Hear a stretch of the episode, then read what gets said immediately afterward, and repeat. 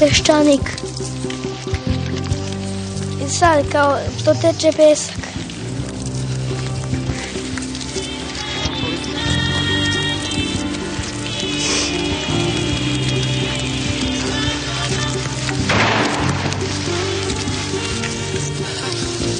On je čovjek dosadan.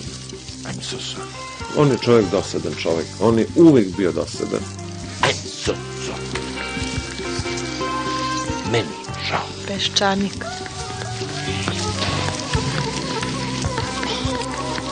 Opšta histerija. Beda, ljudska beda, ne samo ekonomska, nego i neka, ono, intimna, lična. Daj bilo šta. Daj, samo da si ušti nešto. Daj da bude moje. Namešao. Peščanik. Nije bilo dovoljno snage da kaže, e, so, so, meni je žao. Redka je generacija koja je dobila takvu šansu kao ova to je tragična politička generacija. Ni štetu nisu napravili veliku.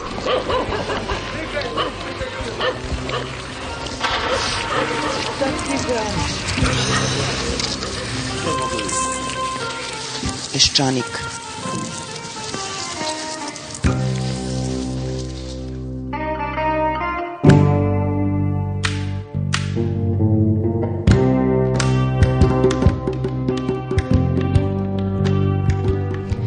Dobar dan poštovani slušalci. Nemam pojma šta se događa u ovoj zemlji. Ja bih bila bedna revolucionarka, Marks bi me prezirao. On je rekao da revolucionar mora da bude u stanju da čuje kako trava raste. Koja trava ovde rastu balvani na sve strane mada se kreće svom nesrećnom ustavnom poveljom, a mogla bi možda preambula te povelje da glasi onako kako glasi jedan od članova Marfijevog zakona, u ovoj zemlji nemoguće bilo šta učiniti bezbednim od budala, jer budale su u ovoj zemlji tako inventivne. Drugi član je, ako nešto može da pođe naopako, poći će naopako.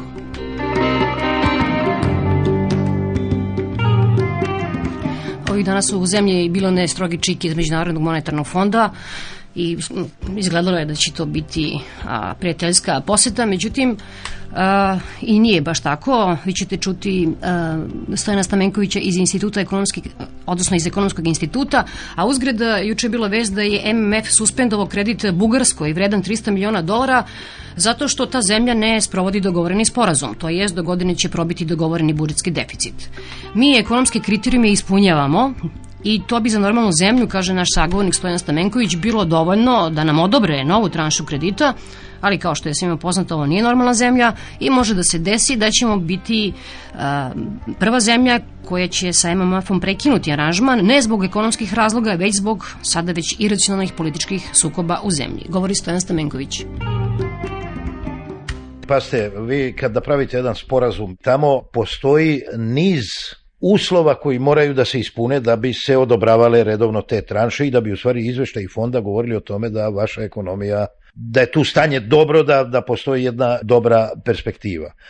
Tu se postavljaju neke veličine koje ne smeju da budu pređene u pogledu emisije, onda u pogledu visine deviznih rezervi, I mi tu čak ne da ispunjavamo te kriterijume, pa da kaže čovek uz neke teškoće, nego naprotiv prilikom svake one kontrole oni čak zaoštravaju te kriterijume jer smo, kako bih rekao, mnogo dobri. Onda postoje takozvani strukturni kriterijum, jedan od njih je ovaj koji ljude e, mnogo žulji, to je pitanje cene struje. Nije on postavljen zato da bi se neko zadavio, nego jednostavno ako hoćemo da budemo saturirani električnom energijom i energijom uopšte, onda ta struja mora da ima jednu cenu koja će omogućiti da ona bude proizvedena u dovoljnoj količini. To što smo mi siromašni pa nam je skupo, to je jedno drugo pitanje, ali zašto neko ne kaže, pošto je moja plata mala, onda ne može jedan auto da košta 10.000 maraka, nego meni treba se ponudi auto za 500 maraka, da bih ja mogao da ga kupim. Treća stvar, oni imaju nešto što se zovu indikativni kriterijumi. Primer tih indikativnih kriterijuma je jedna odredba koja kaže da država u svojim obavezama osim onih zatečenih, ne sme da zakasni ni jedan jedini dan. I to je, evo, ispunjenje te obaveze, ova činjenica da primetili ste da se penzije, ove polovine penzija uredno na svakih 15 dana isplaćuju. Ja sam naveo ove primere samo da, da pokažem kako je to upakovano, onda tu imate isto tako upakovane obaveze u pogledu formiranja nekih institucija i donošenja zakonskih propisa koje bi nas koje su sastavni deo toga što zovemo, što zovemo tranzicija. Počeli smo da idemo i u pogledu te zakonodavne aktivnosti, na vreme je donet recimo onaj devizni zakon, ali onda su neke stvari stale, a vozovi prolaze. Nas čeka preko 100 miliona evra od Evropske unije, od čega je veći deo, dve trećine su recimo donacije, jedna trećina su povoljni krediti i čeka se ratifikacija u znači čekaš da parlament ratifikuje da uzmeš pare koje ti neko poklanja ako suviše dugo čekaš ima i drugih koji čekaju i mogu te pare da odu na drugu stranu i da posle, posle ovaj e, se mesecima ili godinama razvlači to ako uopšte to ako uopšte to dobijemo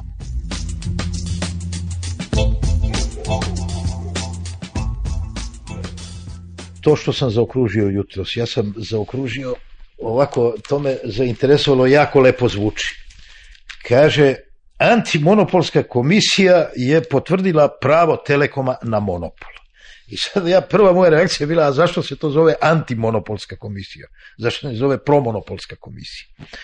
Naime, za moj ukus, vlada Srbije, koja inače, e, mislim, to je poznata stvar da sam ja jako podržao osnovni njen kurs i mislim da je ona postigla velike rezultate – ali ona ima neka gledanja, ona mnogo voli monopole, jer je monopol zgodan da se stvari drže pod kontrolom, da se upravlja procesima. Ovaj monopol sa Telekomom. Ja ostajem kod te teze da je to vrlo štetan jedan monopol i e, naglasit on je zabranjen u Evropskoj uniji. Znači, mi ovde imamo te strane suvlasnike kojima je zabranjen monopol u njihovoj zemlji, pa su oni došli onda da nađu monopol ovde. Ko je njima prodao taj monopol ili dao? Stara vlast. A nova vlast kaže, to je baš zgodno, evo fino, fino sad mi to držimo pod kontrolom. I onda nas zamajavaju treba li treći, ne znam, mobilni operator ili ne treba. Ja sam čak bio na nekom skupu u G17, oni su neku studiju na tu temu napravili i rekao što nas zamajavate, mene to ne interesuje dokle god se ne reši pitanje te fiksne telefonije i sa ovakvom fiksnom telefonijom ta priča gospodina premijera koji je išao kod Bill Gatesa i Microsoft osvojio ovde, ništa to po meni ne vredi. Ako ja moram da sa sajta Međunarodnog monetarnog fonda, sa interneta, to je negde 3,5 kilobajta za onoga ko zna šta to znači, ili 107 strana u Acrobat Readeru, da skidam sat i 20 minuta i da na kraju budem srećan što mi veza nije pukla, onda pogledajte vi kako ja mogu da koristim internet. Oni se pozivaš stvarno na to da je ranije vlast uradila. Pa jeste uradila, ali zašto ova vlast to nije ukinula? Neka postoji jedna klauzula vis major, ova vlast da je htela.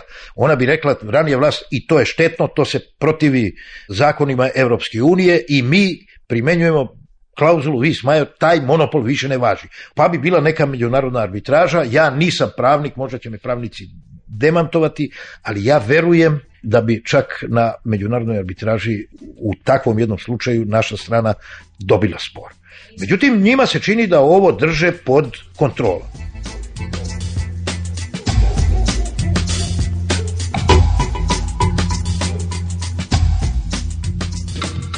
Vi sada, evo, imate na gradskom nivou. Sve se kreće u tom pravcu da gradska vlast hoće da izbaci ove privatne prevoznike koji su spasli Beograd u svoje vreme, hoće da ih potpuno izbasti, da istisne konkurenciju i da gradski prevoz svede na toga svog gradskog prevoznika.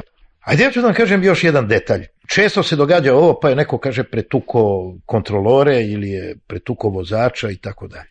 Da li ste čuli nekada su pretukli one konduktere i vozače u privatnim autobusima? Ha? Nisu nikad ja ne tvrdim da nešto ima iz toga, ja samo konstatujem, ja samo konstatujem tu činjenicu. Dakle, postoji jedna sklonost ka monopolima, to nije dobro, to je jako zgodno da ti možeš sve stvari da držiš mnogo lakše pod kontrolom u ovome trenutku, ali monopoli daju loše razvojne signale i te će se delatnosti razvijati naopako. I kroz pet ili šest ili deset godina ćemo mi plaćati onda ceh egzistencija tih monopola i upravljanja putem monopola sada, kao što smo platili ceh sa strujom zbog politike, ne znam, jeftinih cena. Evo imate ja još jednu stvar ovako koja izgleda sitna ću vam reći. Sad hoće da proteraju ove ljude koji prodaju industrijsku robu na tezgama na pijacu. Ja kad mi treba nešto, evo nedavno sam slavinu za protočni bojler kupio tamo. Čovek je meni dao račun ispravan sa pečatom, dao mi je garanciju. To ne može da bude siva ekonomija. On je registrovan, on je uvek stalno na istom mestu, on plaća porez, on plaća zakup, taj zakup za tu otvorenu tezgu za kojom on stoji na minus 13 i na plus 35. Prema tome, Ali tu ima nešto, da li je to samo pitanje hoće li Beograd da liči na Paris, pošto smo u srpskih vladara tamo uveli te slivnike koji su isti kao parijski, to je jako lepo, jeli? Pa sad po svemu ostalom da liči na Paris, pa prvo ajde da prognamo te ljude. To je jedna, jedan veliki broj porodica prvo koji živi od toga. Ti ćeš stvoriti jedan novi socijalni problem potpuno nepotreban. Ja sam dosta mator čovjek, znate, i ja sam ovaj bio u prilici da prođem celu Italiju još 55. godine. Znači 10 godina po završetku drugog svjetskog rata. Cela Italija je trgovala tako na uličnim tezgama. Cela Italija. To pitanje da li se trguje na uličnim tezgama ili u finim radnjama nije pitanje estetike, nego je to pitanje socijalnog statusa zemlje, odnosno stepena razvoja zemlje. Jesu li to lobiji neki u pitanju? Da li je to samo zaista estetsko pitanje? Evo sad isto čitam od jutros u novinama kako će novogodišnja noć u Beogradu biti luđa i raskošnija nego ne znam u Njujorku i Parizu i tako nešto negde na prvoj strani. Da li to sad hoćemo opet neko potemkinovo selo da napravimo, šta kome svetu ili ovom narodu da pokažemo kako je nama sada sve sasvim lepo, dakle, hoću da kažem ovo, stvari se kreću napred, ali ima nekih stvari, ima nekih stvari koje mi se ne dopadaju, a naročito mi se ne dopada ovaj populizam kod mnogih političara od koji su neki na vlasti, a neki teže da se dokopaju vlasti.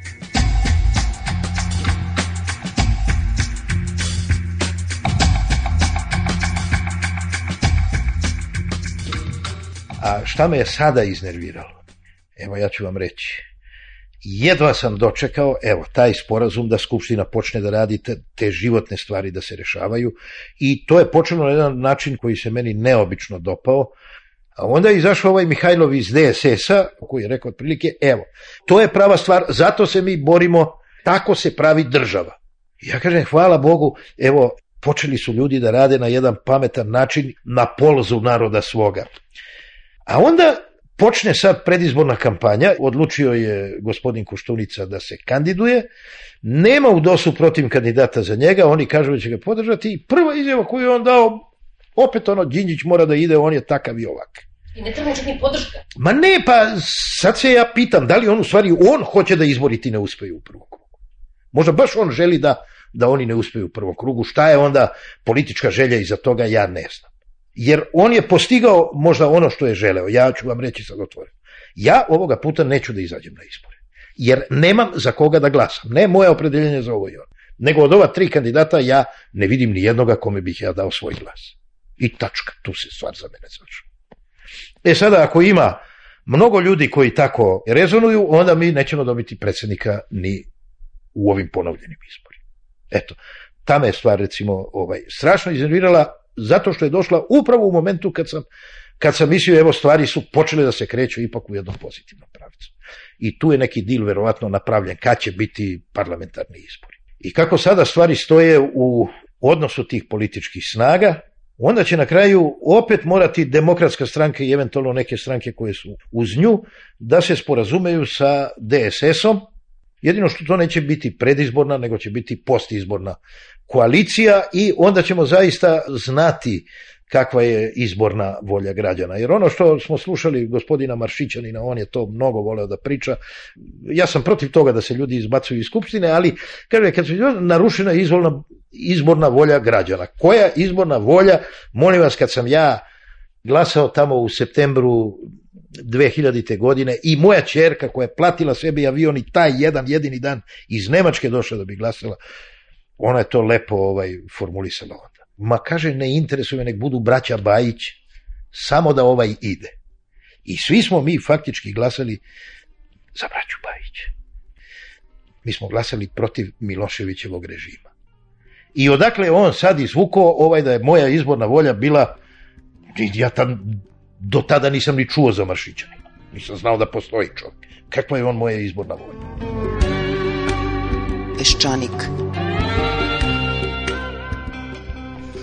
Bio je gospodin Stojan Stamenković, a sada o rehabilitaciji. E, pre neki dan su poslanici Španskog parlamenta usvojili predlog uh, Eh, da se osudi režim generalisimusa Franciska Franka i da se pruži neka vrsta moralne zahvalnosti žrtvama građanskog rata od 36. do 39. godine u Španiji. Znači, ovaj predlog je izglasan 27 godina posle Frankovih smrti i tek sada postoji mogućnost u stvari da se u Španiji skumira 30.000 neidentifikovanih leševa iz građanskog rata, uglavnom republikanaca koji su pokupani u masovnim grobnicama. Sad, ovo ne zvuči kao neki zakon, nego, eto tako, članovi parlamenta su odlučili da a, priznaju ovo, ovaj, te, tu činjenicu, a u Istočnoj Evropi donošeni su zakoni o rehabilitaciji a, i to mnogo brže nego što mi činimo. Česi su, na primjer, zakon donali četiri meseca posle plišane revolucije i već u prvoj godini primene rehabilitovane je 180.000 ljudi mi e, kasnimo, u stvari stigli smo tek do predloga zakona koji je e, prekjuče predstavio Centar za unapređivanje pravnih studija Od autora predloga ovog zakona, a među njima i gospođa Latinka Perović, čućete u današnjoj emisiji direktora Centra za unapređivanje pravnih studija profesora Vladimira Vodinelića i pomoćnika Saveznog ministra pravde Nebojša Šarkića. Govorit i nekadašnji politički zatvorenici, među kojima je i kompozitor Vojislav Voki Kostić. Zakon ima tri osnovna dela. Prvi deo odnosi se na rehabilitovanje po sili zakona, Dakle, za ona lica koja su kažnjena bez ikakvog sudskog postupka ili u sudskom postupku koji je tada bio suprotan važećim pravilima. Najčešće kada govorimo o toj problematici imamo u vidu takozvane slučajeve inform biroa, odnosno ljude koji su bili ili deportovani u drugo mesto boravka, a to drugo mesto je bio Goli otok, Rehabilitacija ovih lica se dakle ostvaruje samom silom zakona, odnosno usvajanjem u Saveznoj skupštini. Drugi deo zakona odnosi se na rehabilitaciju koja je rezultat ponavljanja postupka, iako je realno da će jako mali broj ljudi i moći da koristi ovaj institut, jer je sasvim sigurno da je veoma teško poverovati da će posle 50 ili 40 ili 35 godina neko naći neki novi dokaz i moći da ga iskoristi.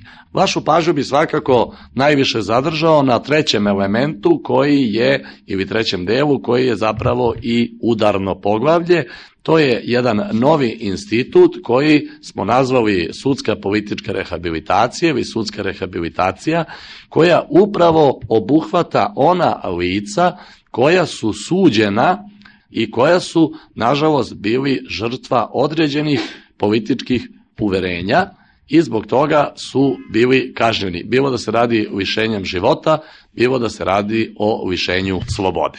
Najčešće govorimo o periodu konfiskacije imovine posle drugog svetskog rata, dakle period 46. 47. kolonizacija, zatim obavezno učešće u zadrugama, otkupi i tako dalje.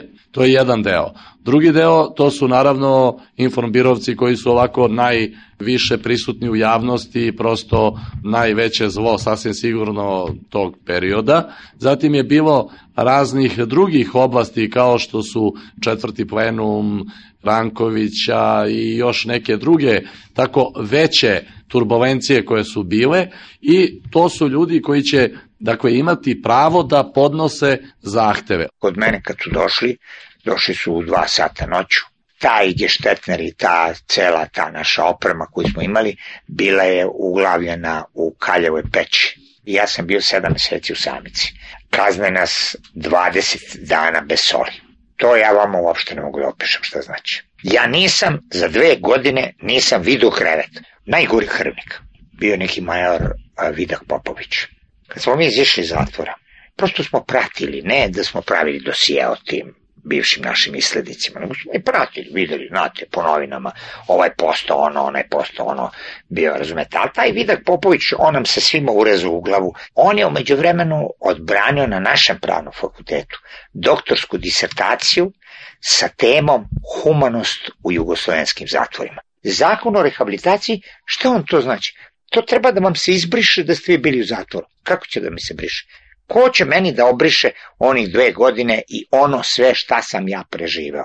Ko će da izbriše ovom mom drugu koji je osuđen 20 godina? Od tih 20 godina 11 godina je bio u samici. Moja porodica pošto je moj otac bio profesor univerziteta, osnivač medicinskog fakulteta, profesor Aleksandar Kostić, moja majka je bila profesor isto medicinskog fakulteta, oni su 52. godine izbačeni sa fakulteta i do kraja života on je otišao sa ovog sveta, uvređeni, povređeni, onemogućeni da rade svoju osnovnu delatnost, svoju osnovnu delatnost. I sad šta? Ja sad treba da podnosim zahtev za rehabilitaciju. To da mi neko formalno da mi napiše neki akt, za mene je recimo to uvredljivo. Ne da mi ne pada na pamet. I ako hoćete, u krajnjoj liniji, za mene, meni je jedina rehabilitacija 5. oktober.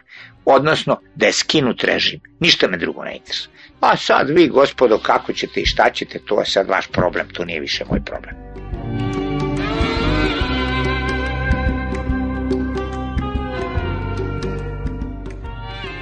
Što se tiče Golotočana, tu su e, razni načini rehabilitacije moguće zato što nisu svi koji su na Golom otoku propatili ono što su tamo doživeli, po istom osnovu tamo dospeli.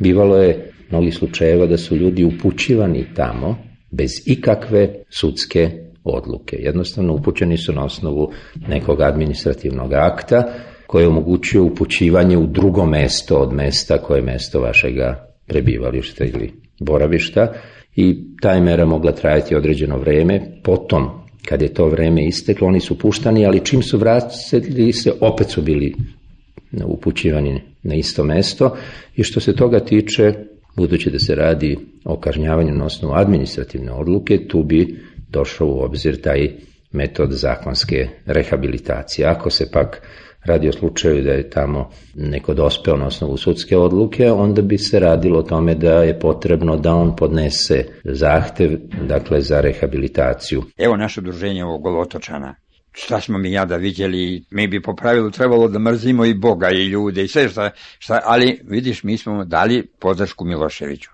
Zašto? Zato što brani tekovine noba. Onda, protiv je imperializma. Treće, on je stvarno dao slobodu sad na terazijama da, da ja izađem i da kažem dolje Milošević, nikome neće uhapsiti. Eno, demonstracije kolike su, to su velike slobode. Ja ću ispričati jedan detalj za Miloševića. On je primio jednu našu delegaciju našeg udruženja i tražio šta mi tražimo, šta mi hoćemo. On je nama dao da odobrio da, da stvorimo udruženje.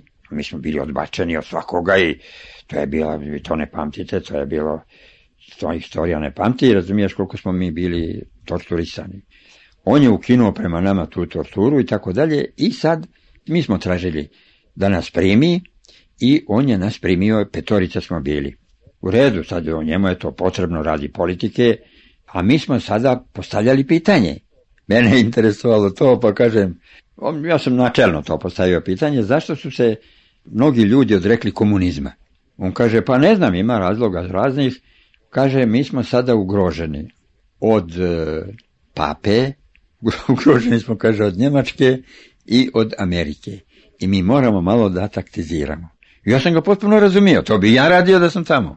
Šta će da uradi jedan mali narod ako nećeš da taktiziraš? Iako smo mali, bilo bi pogrešno da kapituliramo. A pozdravljam, kako što to nalaženje i promućurnost. Eto, mi smo to njemu rekli. Njemu se to sviđalo. Kako ste mu se obraćali? pošto najčešće sada svi su gospodin, gospođa, kako ste... Ne, mi njemu druže, Jer mi, mi golotočani, mi smo nosioci tije te tradicije komunista i komunizma i ja sam lično rekao, ne mogu da te zovem komunista, gospodine, nego druže. Pravilno, kaže. E, to predsjednik lično rekao. Pravilno. Mi smo poverovali u, u tu ideju neke pravde za sve ljude.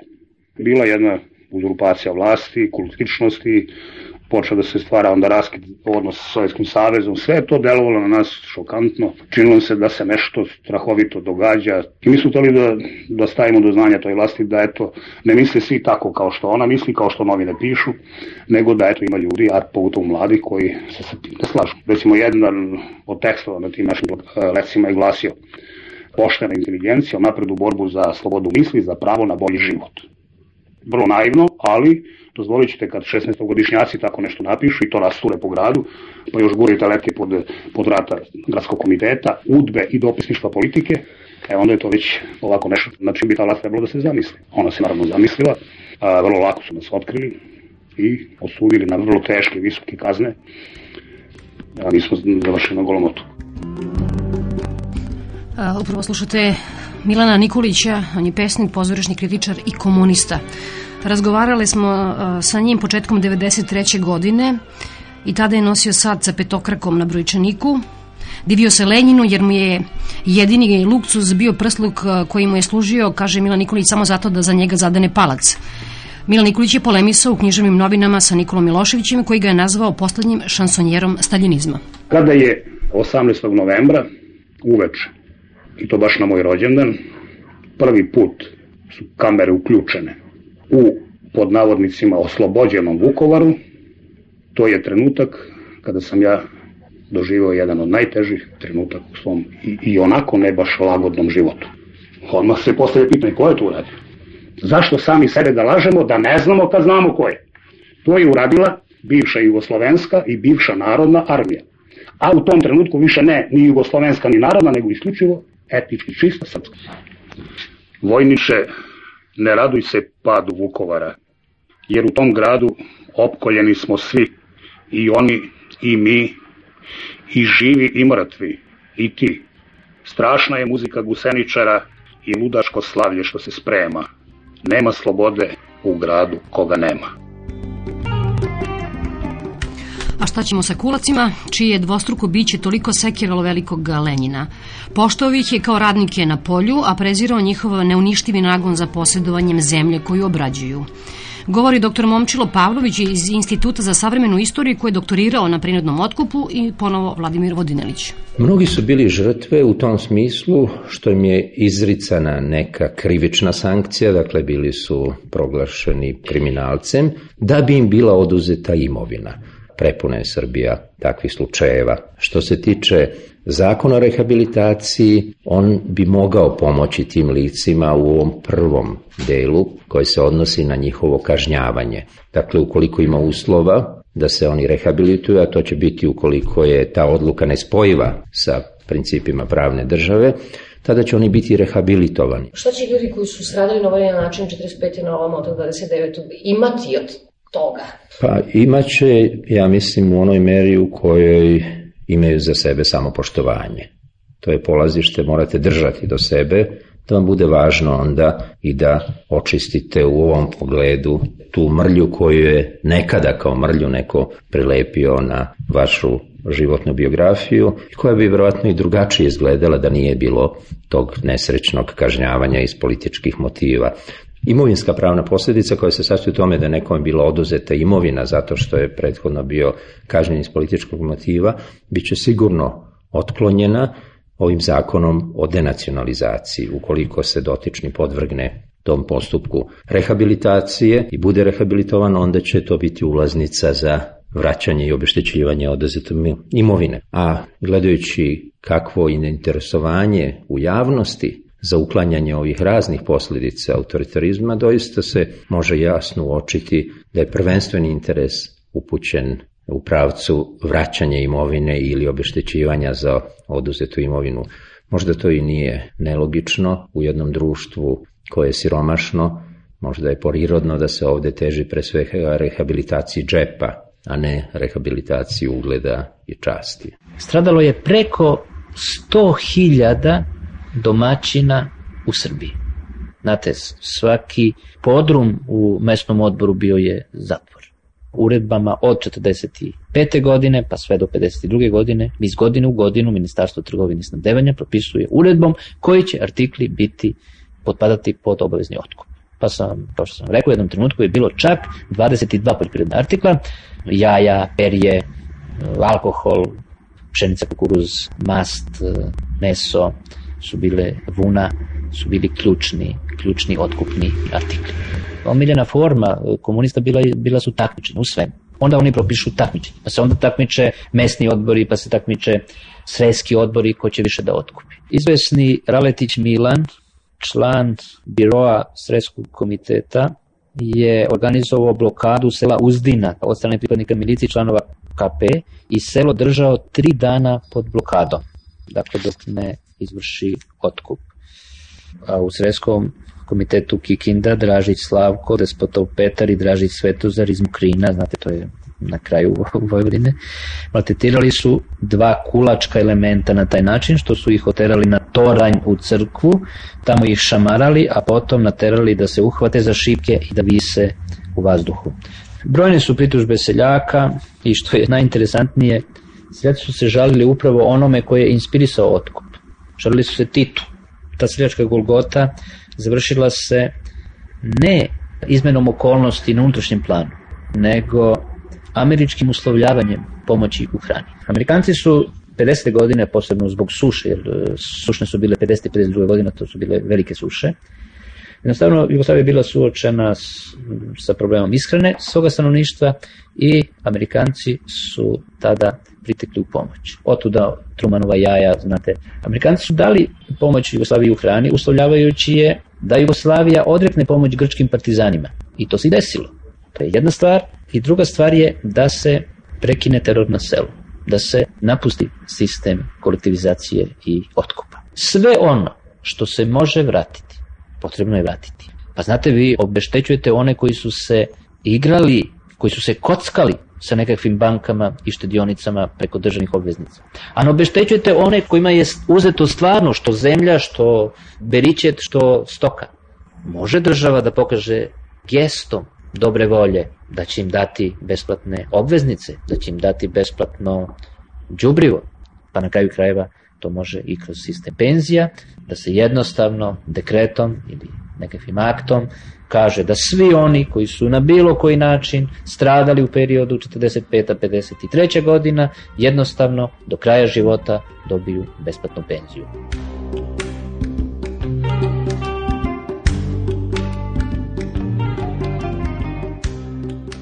Recimo da vas neko pita, odete u Skupštinu predstavite ovaj zakon i A neko od poslanika kaže, dobro, ovim zakonom će biti rehabilitovani, recimo, ljudi koji su otrane na goli otok, Da bili su komunisti za vreme rata, a vi hoćete istim zakonom da rehabilitujete njihove neprijatelje koji su možda od 45. pa nadalje bili streljani, uhapšeni kao narodni neprijatelji, a koji su bili recimo kolaboracionisti ili su sarađivali sa fašistima. Ali to za ovu stvar nije bitno. Polazište ovde da li je neko ispaštao, da li je bio kažnjen, a da to nije spojivo sa ljudskim pravima a u tom pogledu nema razlike. Potpuno je svejedno šta je bio politički motiv. Nema zemlje sveta koja bi mogla braniti to da neko bude kažnjen bez suda. To je samo po sebi toliko teška povreda ljudskih prava da je potpuno svejedno taj ko je kažnjen, zbog čega je kažnjen? To važi dakle za ovo drugo pitanje vaše, da li je neko bio streljan kao narodni neprijatelj i ne znam kao saradnik okupatora. Pitanje je opet da li je od 29. novembra 45. pa dalje poštovano ono što se moralo poštovati, a to je da se provede sudski postupak, da on bude sproveden u skladu sa zakonom i da taj zakon može da izdrži test sa stanovišta poštovanja elementarnih, dakle ljudskih prava koja su iznad svake politike. Sada ćete čuti ženu koja teško da bi mogla da bude rehabilitovana. Njeno ime je Marija Zelić Popović. Kao 25-godišnja devojka bila je glavna islednica na ženskom golom otoku, to jest na Svetom Grguru, od 49. do 51. godine. Razgovor je vođen 1989. godine posle ko se toga seća, TV emisije Danila Kiša Goli život. Posle emitovanja razgovora sa Marijom Zelić je javilo se nekoliko njenih štićenica sa Svetog Grgora. Pitale su da li je i dalje onako lepa i da li su joj oči uvek, još uvek onako plave. Nije nas ispuštala iz vida ni danju ni noću, rekla mi je jedna od tih žena. Bila je sve prisutna, od nje niste mogli, kazala je, ni da izvršite samoubistvo. Ja sam stalno ponavljala. Meni je bilo vrlo važno da njima utuvim da su one izdajnici, da ih nateram da misle na tu svoju izdaju. Ja sam to stalno ponavljala. Kad su one u pitanju, moj prevashodni zadatak je bio da ja njima lepo objasnim da je to naprosto izdaja svoje zemlje i svoje partije. Da su one izdajnici. Ja mislim da sam prvo ja njih sve pokupila i da sam im održala jedan govor Na rumunskoj granici rumunski su tenkovi, na bugarskoj granici su bugarski tenkovi, na mađarskoj granici su mađarski tenkovi. I vi ste u tom momentu, kad je partija na vas najviše računala, vi ste u tom momentu bili ti koji ste partiji zapili nož u leđa. Mi ćemo vam pokušati da pomognemo da se iz tog blata iza izvučete. To su parola. Dobro, a što drugo im kažete? E, ali kako to konkretno? Konkretno to su pojedinačni razgovori. Isto kao što u svakog bolesnika ide bolesnički karton, u svaku kažnjenicu ide njen dosije. I sad ja iz tog njenog dosija vidim zašto je hapšena, kako se u istrazi držala i koliko je u istrazi bila iskrena. Ima mišljenje njenog izglednika. Ona se ponašla prema toj rezoluciji, kod da je to, kod da je to karta za snabdevanje, znate, pa sad ovo hoću, ovo neću. Jedna se slaže sa tri tačke, druga se slaže sa druge tri tačke, Neka se slaže sa, sa čitavom rezolucijom od početka do kraja, ali uglavnom mi ne hapsimo njih zato što se one slagale, one su zbog toga izbačene iz partije, mi njih hapsimo zbog toga što su one posle pokušavale i uspevale da formiraju neke svoje organizacije, da razviju neku delatnost, da rasturaju neke letke, da, da, da vrbuju ljude za, za tu svoju delatnost, neke su pokušavali preko granice da beže i sad ja dobijem takve znači, taj njen dosije i sad ja vidim s kim imam posao. Ja nikoga nisam ošamarila. Ja nikad fizičku meru ni prema jednoj od njih nisam primenila. Ja sam vrlo strogo nastupala u odnosu na ove koje su bile uporne u nastojanju da revidiraju svoj stav. Ja sam njima vrlo jasno stavljala do znanja. Dok ne revidirate, ne revidirate svoj stav, na slobodu ne računajte. To je ružno što ću sad reći. Ja sam ja na golom otoku govorila. Pa ostavit ćete kosti ovdje, nećete izaći ovdje. Nema izlaska na slobodu dok da ne revidirate stav.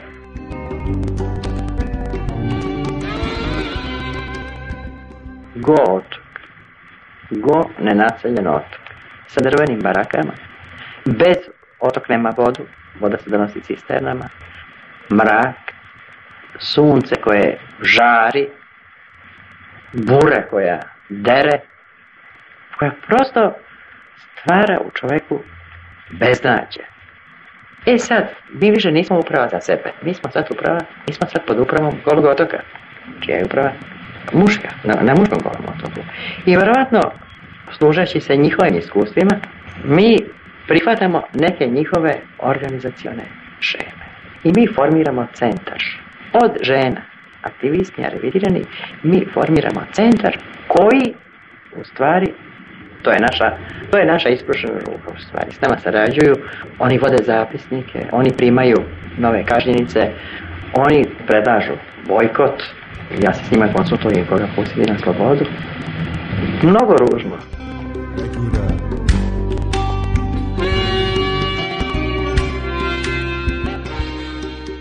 Topli zec, to je topli zec, to je termica muškog otoka.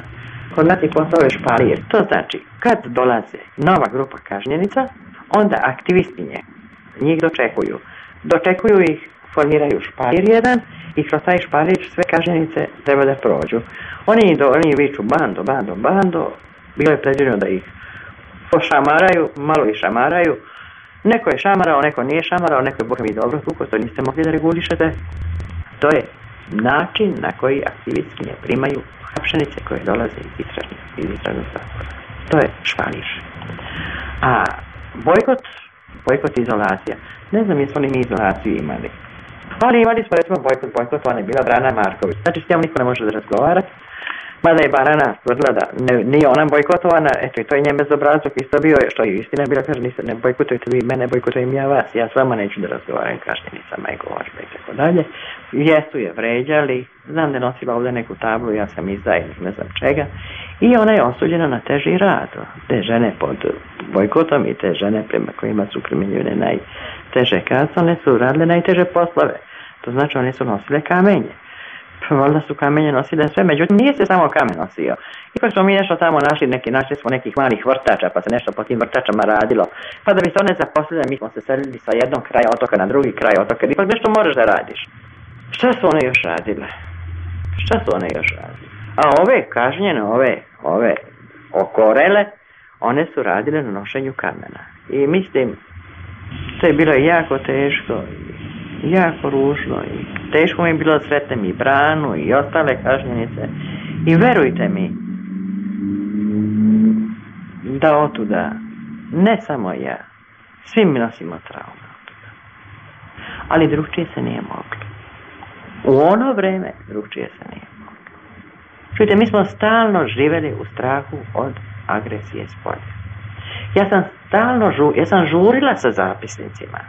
Nisam ja žurila sa zapisnicima zbog toga što sam ja sadista ili što, što mene strašno interes koga je ona ostavila na polju. Nego sam žurila jer sam mislila, pa mi možemo biti napadnuti i napad, neprijatelj je napolju još ostao. Verujte mi, ja sam išla tako daleko sa ženama koje kad revidiraju svoj stav, kad, pošto ona otkrije sve svoje veze, s kim je radila, ja idem s njom i dalje. Ja je pitam, Šta misliš? Da li još ima neko ko bi bio zainformirao? Ne da bih hapsili mi te ljude. Možda da bih registrovali te ljude.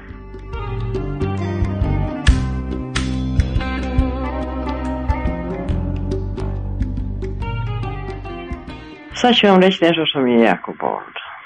Kad sam se vratila sa informbiroa, moja mlađa sestra se zaljubi u jednog informbirovca koji je bio pomoćnik ministra ne znam čega u Srbiji. Pa e, i zaljubi se. I ona meni to saopšti. I ja decidirano njoj postavim. Ili on, ili ja. I ona se bez dvoumljenja opredeli za mene. Što izmeni potpuno njen život. Umrla.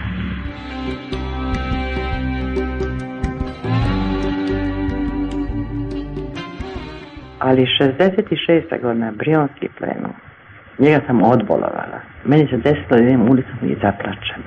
Leto je bilo, otvoreni prozori, televizori trešte sa svih strana, deformacije udbe, samo deformacije udbe, deformacije udbe, prisluškivanja. Pa još onda kad čujem ove, kad čujem ove, ove šiptare, ove šiptare, te Veli Devu, te Džavidani Manije, te Fadila Hođu, te Bože sačuvaj napad, grozno. A najgrozniji mi je bio napad na druga Marka, na Aleksandra Žankovića. Jer ja Žankovića i Tita nisam razdvajala. Meni, meni se to činilo kao da je to dva tela, jedna duša. A mi koji smo u udbi, mi koji smo u udbi radili, mi smo najbolje mogli da osetimo koliko je beskrajno veran i odan Ranković bio Titu. I sad na jednom se na njega, na njegovu glavu sručuje ta lavina kleveta. Vi ste bili eh, ne samo politički, nego i emotivno vezani za Tita. Bili ste i emotivno i profesionalno vezani za Aleksandra Rankovića. Sada, posle smrti jednog i drugog, da li odlazite na nečiji grob? Otac na Rankovića.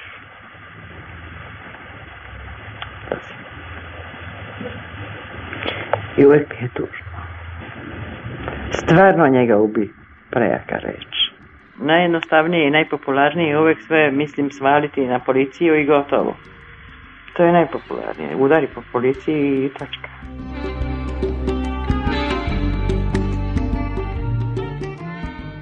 Pa ako sam učinila da jedan deo njih, da se jedan deo njih vratio partiji, radu, pa to je uspjeh kojim sam ja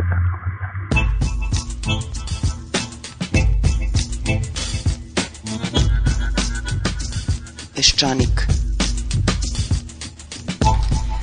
Danas prepodne u Narodnom pozorištu u organizaciji Republičkog ministarstva kulture, Građanskog parlamenta i časopisa Republika organizovana je debata povodom pisma upozorenja srpskoj kulturnoj javnosti i reakcije na ovaj apel koji je potpisalo devet intelektualaca. Publika na maloj sceni Narodnog pozorišta bila je prošarana mladićima iz obraza, koji su, kako reče Nebojša Popov, pravili larmu. Slušate istoričarku Oliveru Milosavljević, Mirka Đorđevića, Ljubivoje Tadića i Filipa Davida. Zašto smo u našem pismu spomenuli glavne institucije, generalštab, crkvu, akademiju? Upravo zato što te institucije često sebe izjednačavaju sa srpskim narodom. Mi smo to izjednačavanje u prošlosti često slušali. Vi kritikujete Milošević režim, oni vam kažu vi kritikujete srpski narod, vi kritikujete Srbiju.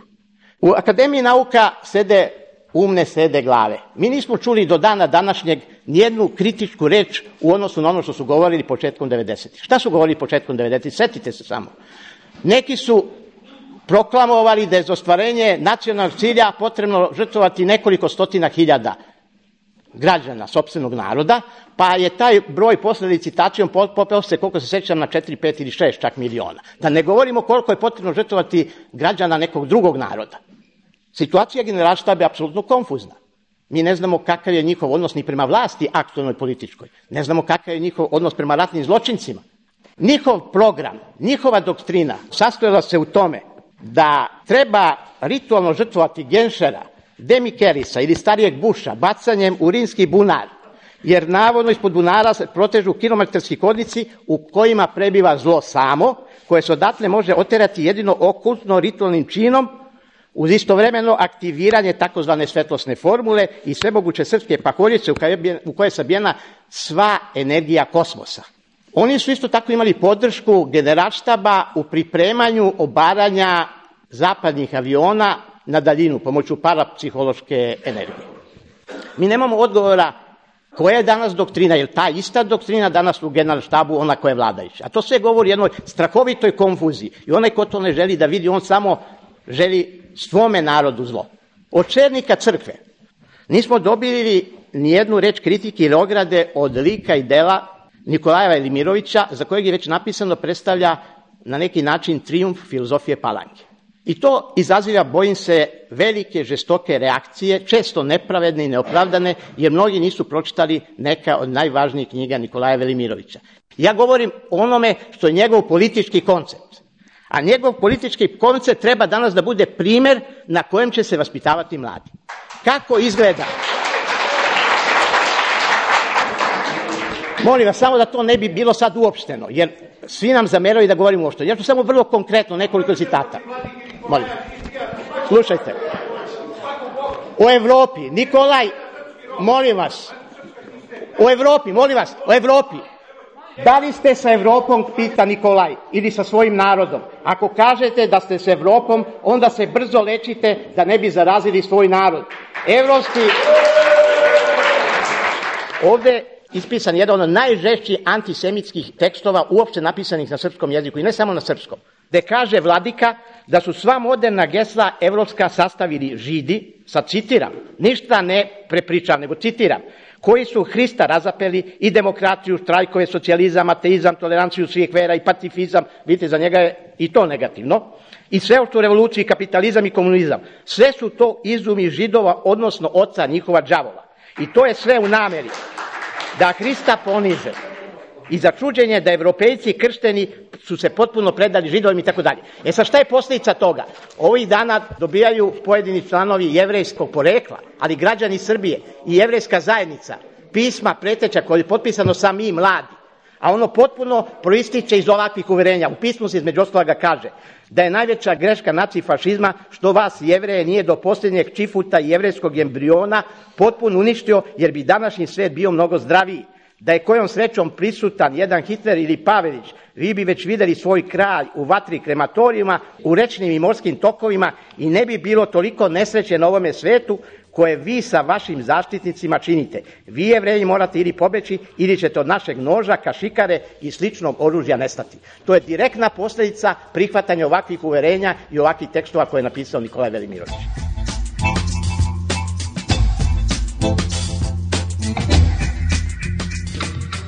Laza Kostić i Zmaj pripadaju istom vremenu, ali ne istom kulturnom obrazu. Danilo Kiš i Dobrica Ćosić također pripada istom vremenu i različito biraju tradiciju. Kulturni obrazac, dakle, nije apsolutna kategorija, odnosno jednom izabran. Poslednjih 20 godina primera radi imamo čitav jedan talas nekakve kvazi religioznosti u novijoj srpskoj poeziji.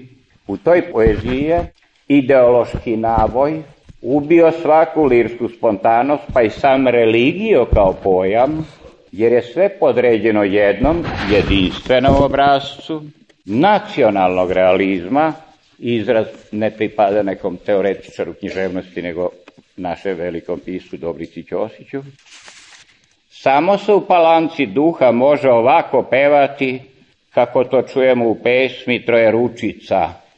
jedino ovde Carice nebesa, na mom jeziku se moli bez zastanka i ne laže ništa i ne jede mesa i osam vekova posti bez prestanka. Gospodine, odakle vama toliko mržnje prema svetu? Nije stvar deklaracije, nego objasnit ću, čekajte, objasnit ću. Prvo saslužajte lirsku pesmu. Ovo je citat lirika je ovo. Ljudi ne vole ni lirske pesme, a kamo li? Ja se zalažem. Ceo život sam posvetio tome da svako ima pravo da se auto sve ništa. da Vi ćete, da gospodine, dragi moj, molim vas, dragi gospodine, potpuno vas, potpuno vas razumem, ali vas molim, molim vas, molim vas, ja mogu mnogo glasnije da govorim. Nemojte da to koristite, te svoje moći.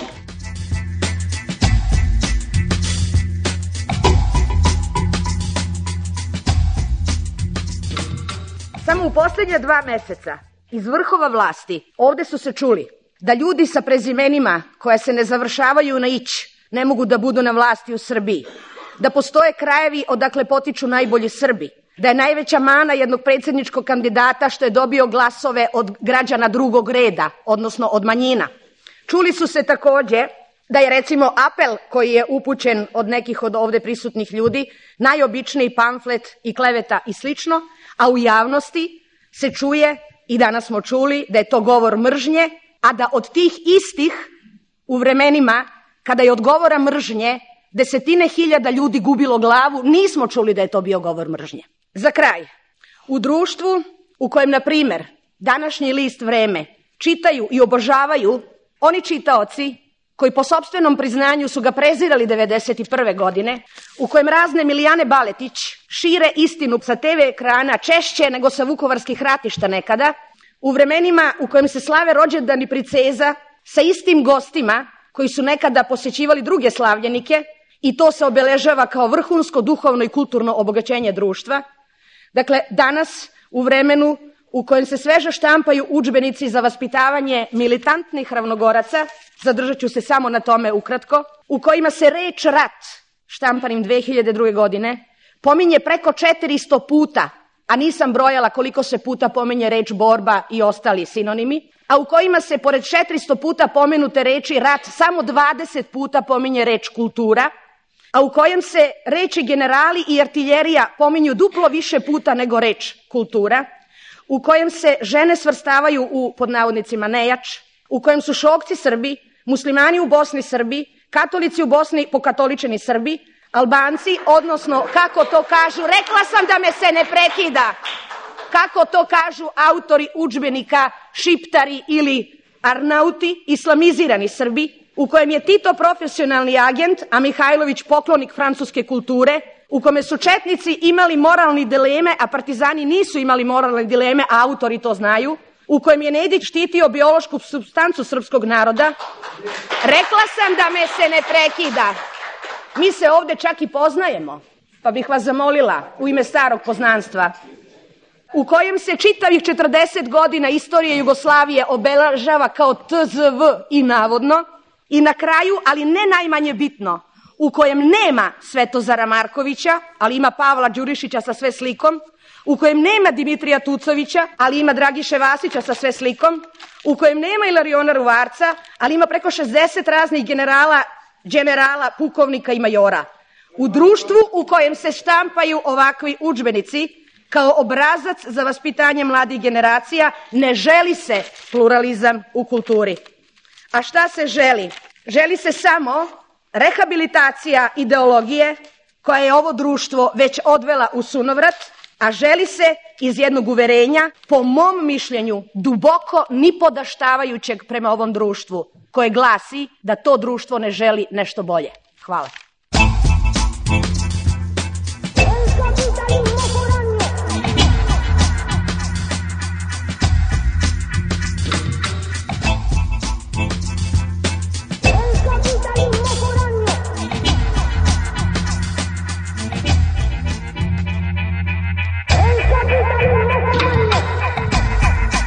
Bila je emisija Peščanik, realizacija Milan Mihajlović, montaža Ratko Ristić, a emisiju pripremile Svetlana Buković i Svetlana Lukić prijedno.